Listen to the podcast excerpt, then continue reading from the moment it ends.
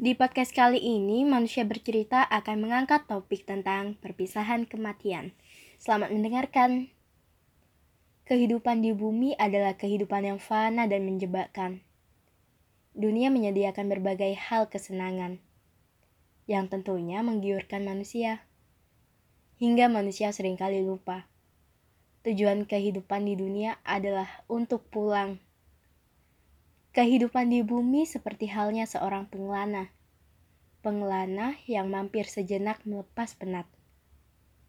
Mencari jejak dan membuat jejak. Menambah cerita dan berkenalan dengan orang baru.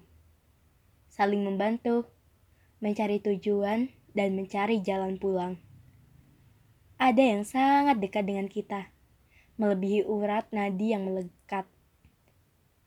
Kedatangannya pasti tidak bisa diundur maupun dipercepat. Merupakan sebuah ketetapan. Kedatangan itu bernama kematian. Satu kata yang benar adanya. Satu kata yang memisahkan segalanya. Jeda sehari, banyak sekali kabar duka. Burung gagak silih berganti datang, memberitakan kepergian. Banyak sekali kabar duka bulan ini dan tiga hari ini berturut-turut. Ternyata sekat kematian dan kehidupan senantiasa dekat. Tidak ada yang tahu kapan waktunya. Tamparan keras untuk mempersiapkan bekal untuk pulang. Pulang pada rumah, pulang pada keabadian.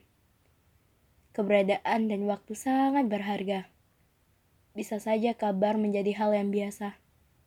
Namun, akan ada waktu kabar menjadi hal yang paling ditunggu.